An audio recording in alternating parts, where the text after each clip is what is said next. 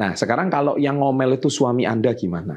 Nah, jadi gini, kalau yang ngomel suami, ya sudah, kita hari ini mau bicara apa ya? Yang penting kita lebih baik karena suami itu kalau udah lagi dongkol itu kadang-kadang uh, dia bawaannya bete ya. Jadi seperti yang tadi saya katakan, pria itu 10.000 kata-kata, wanita itu 40.000 kata-kata. Coba cari apa yang hari ini dia pengen dengar gitu.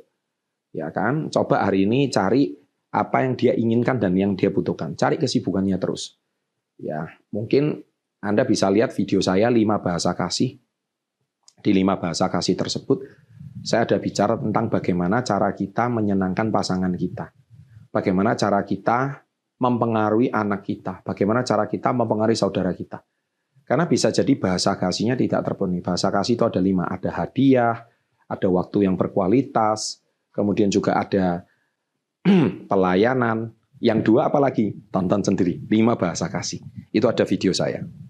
Nah, ketika Anda menemukan bahasa kasihnya, ini saya di situ, Anda akan bisa tahu cara menjinakkan suami kalian. Hmm. Oke? Okay?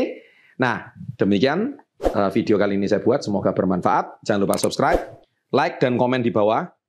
Menit keberapa yang menurutmu sangat bermanfaat dan tepat dengan dirimu. Oke? Okay?